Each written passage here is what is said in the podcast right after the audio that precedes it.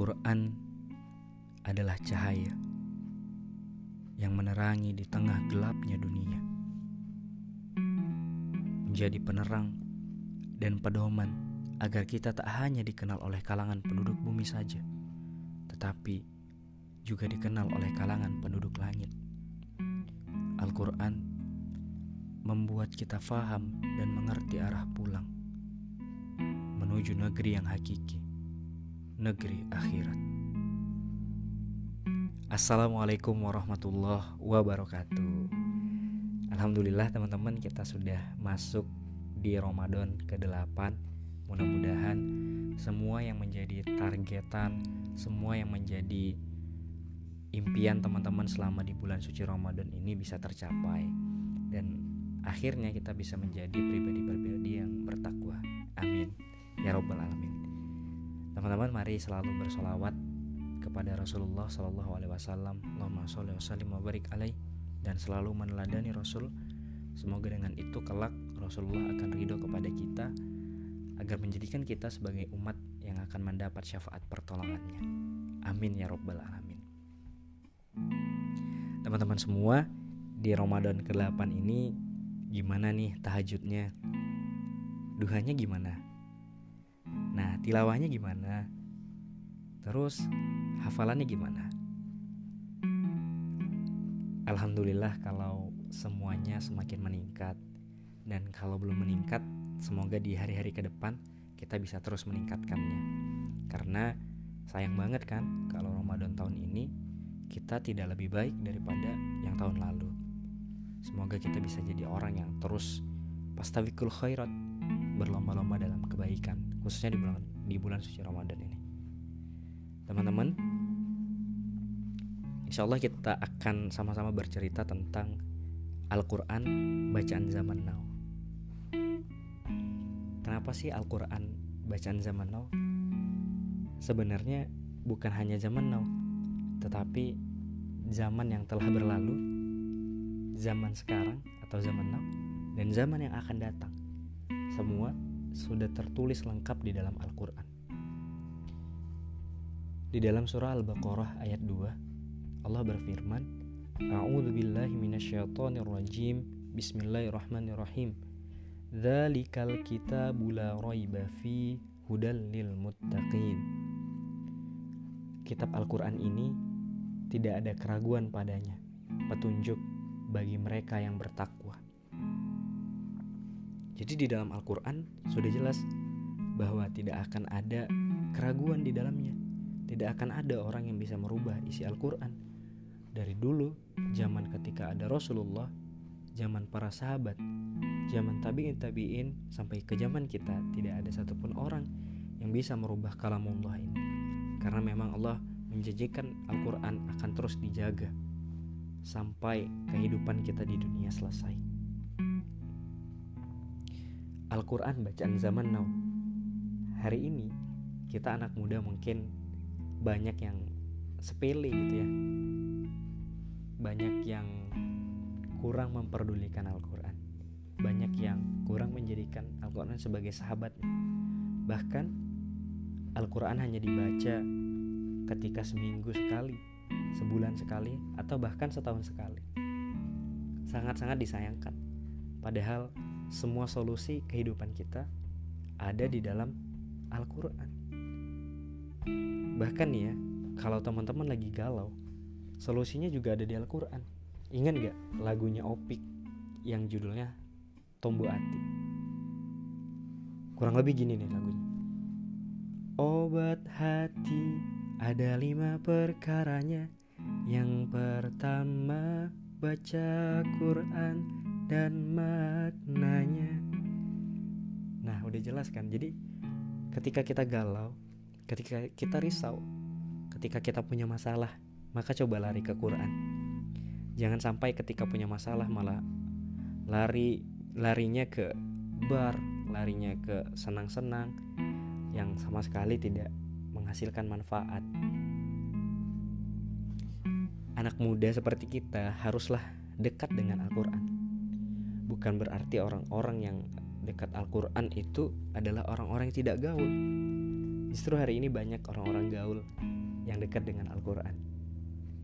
Teman-teman bisa lihat role modelnya ada Ustadz Hanan Ataki, ada Bang Muzammil, dan beberapa tokoh muda lainnya yang gaul tapi juga dekat dengan Al-Quran. Karena memang Al-Quran adalah satu mukjizat yang luar biasa yang Allah turunkan kepada Nabi Muhammad SAW dan akhirnya hari ini kita merasakan cahaya yang Allah berikan melalui Al-Quran ini. Jadi anyway teman-teman, orang-orang yang bersahabat dengan bersahabat akrab dengan Al-Quran juga akan mendapat hadiah dari Allah Subhanahu Wa Taala berupa syafaat. Nah, Rasulullah Shallallahu Alaihi Wasallam bersabda bahwa setiap orang beriman yang akrab dengan Al-Quran dijamin akan mendapat syafaat dari Al-Quran.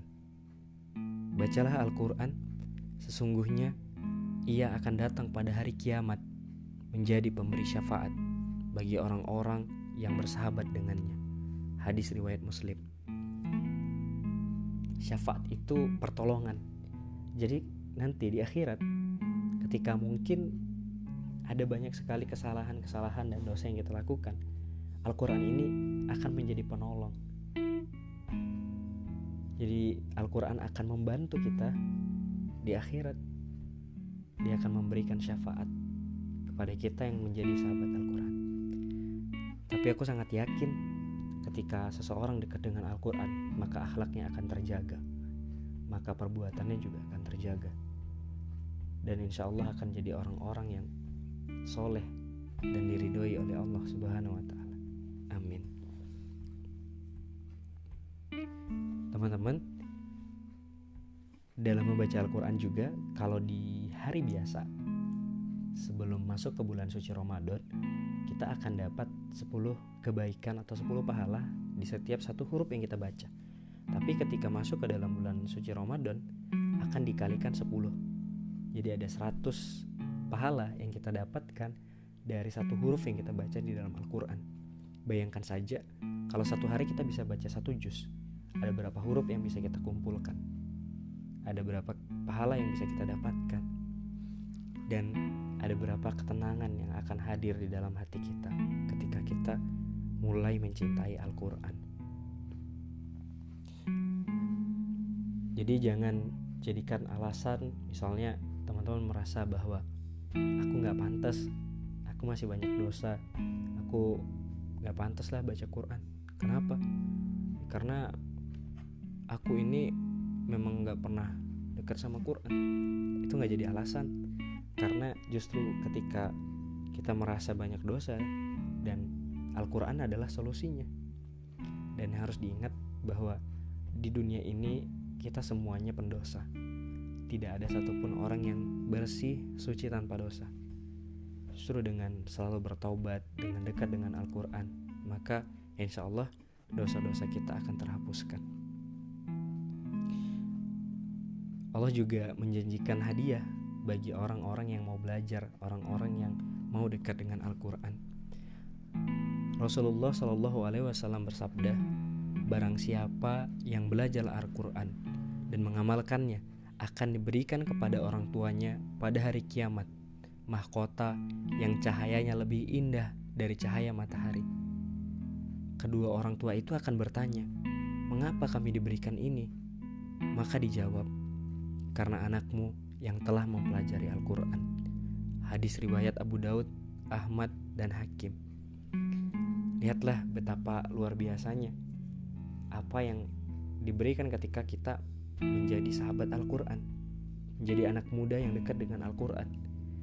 Maka di awal tadi kita akan mendapat syafaat. Kedua tadi kita akan dapat pahala yang luar biasa dan kita juga akan mendapat hadiah orang tua kita akan diberikan mahkota yang sinarnya itu sangat luar biasa. Cahayanya itu bagaikan matahari yang pastinya akan sangat membahagiakan kedua orang tua kita. Teman-teman, Al-Quran ini adalah bacaan yang paling update dibandingkan buku-buku kita lainnya. Karena sumber pengetahuan, sumber dari segala sumbernya itu ada di Al-Quran. Makanya sama-sama kita terus membudayakan membaca Al-Quran ya kalau misalnya di sebelum Ramadan hanya kita baca satu lembar kita tingkatin nih udah sampai di Ramadan kita tambah dua lembar tiga lembar sampai ke satu juz di awal memang mungkin sulit tapi ketika memang sudah terbiasa insya Allah akan menjadi rutinitas yang sangat menyenangkan. Bahkan bisa aja satu jam bisa dapat satu jus. Jadi jangan juga kita jadikan kesibukan kita sebagai alasan untuk tidak menyentuh Al-Quran tidak membaca Al-Quran. Banyak gitu ya. Aku sibuk jadi nggak bisa baca Quran. Waduh emangnya yang sibuk cuma dirimu gitu ya? Di dunia ini banyak orang sibuk tapi tetap bisa memprioritaskan Al-Quran. Sekarang bukan perkara sibuk atau tidak, tapi siap tidak kita menyediakan waktu untuk Al-Quran. Itu ya teman-teman, semoga bermanfaat apa yang disampaikan cerita-cerita tadi semoga menginspirasi kita agar menjadi para pemuda dan pemudi yang kuat bersama Al-Quran. Karena banyak sekali kebaikan yang bisa kita dapatkan dalam Al-Quran ini. Dan ingat Al-Quran bukan bacaan yang zaman dulu Bukan bacaan masa lampau Tapi Al-Quran adalah bacaan zaman now. Bahkan bacaan yang sudah melukiskan bagaimana keadaan di masa depan Bacaan yang konkret dari A sampai B Dari mulai penciptaan manusia Sampai gambaran bagaimana negeri akhirat nanti. Semua sudah Allah tuliskan di dalam Al-Quran. Semoga kita akan jadi pribadi-pribadi yang memiliki akhlak Quran, pribadi-pribadi yang bertakwa, insya Allah ya teman-teman. Mungkin itu sama yang seperti saya sampaikan di trailer podcast bahwa yang berbicara bukan berarti lebih pintar dari yang mendengarkan. Yang berbicara bukan berarti lebih cerdas dari yang mendengarkan. Yang berbicara bukan berarti lebih alim. Yang berbicara bukan berarti lebih soleh daripada teman-teman yang mendengarkan. Karena yang membedakan kita hanya tingkat ketakwaan kita. Semoga kita bisa jadi orang-orang yang bertakwa bersama.